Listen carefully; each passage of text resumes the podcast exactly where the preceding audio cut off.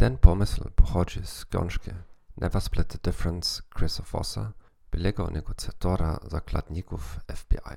Ktoś żąda czegoś, czego nie chcesz zaakceptować. Zamiast odpowiadać, nie mogę tego zrobić, nie chcę tego zrobić, odpowiadasz, jak mam to zrobić, jak mógłbym to zrobić. W ten sposób zmuszasz przeciwnika do empatii wobec siebie. Teraz starasz się wymyślić dla ciebie rozwiązanie. To już nie jest jego konflikt z tobą.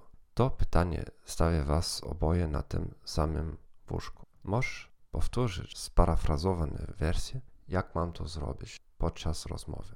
Jakie są pozytywne wyniki? Druga osoba może się wycofać, sfrustrowana tym, że nie znalazła rozwiązania, ale nie jest na ciebie zła.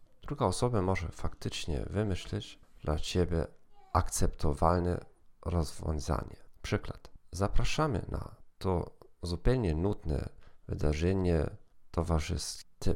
Jak mam to wyjaśnić mojemu synowi, któremu obiecałem iść na mecz piłki nożnej? Zadanie domowe. Wypróbuj tę technikę codziennie przynajmniej raz. Zamiast prostego nie, mówisz, jak mam to zrobić.